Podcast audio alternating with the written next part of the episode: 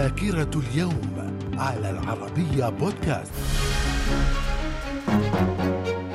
أهلا بكم إلى ذاكرة التاسع من فبراير. ففي العام 1963 أعدم رئيس وزراء العراق عبد الكريم قاسم بعد يوم من الإطاحة به وإجراء محاكمة سريعة له. في العام 1964 أول ظهور علني لفرقة الروك البيتلز في برنامج إد سوليفان.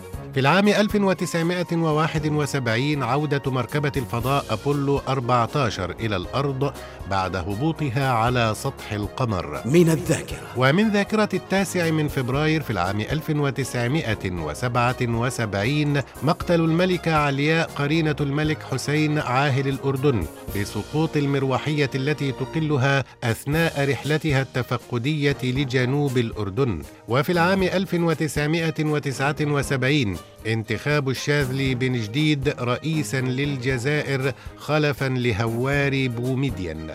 في العام 1992 إعلان حالة الطوارئ في الجزائر بعد الأزمة السياسية فيها. من الذاكرة. ومن ذاكرة التاسع من فبراير في العام 2004 مجموعة من المتطرفين اليهود تقوم بتحطيم أعمدة رخامية أثرية بالقرب من المتحف الإسلامي داخل ساحة المسجد الأقصى يعود تاريخها إلى العصور الإسلامية الأولى. وفي العام 2016 مقتل تسعة أشخاص وإصابة أكثر من مئة آخرين في حادث تصادم قطارين بولاية بافاريا في جنوب ألمانيا. من الذاكرة. من مواليد التاسع من فبراير في العام 1930 رفيق السبيعي الممثل السوري. من الذاكرة. ومن وفيات التاسع من فبراير في العام 1963 عبد الكريم قاسم رئيس وزراء العراق. وفي العام 1980 توفي مرسي جميل عزيز الشاعر المصري.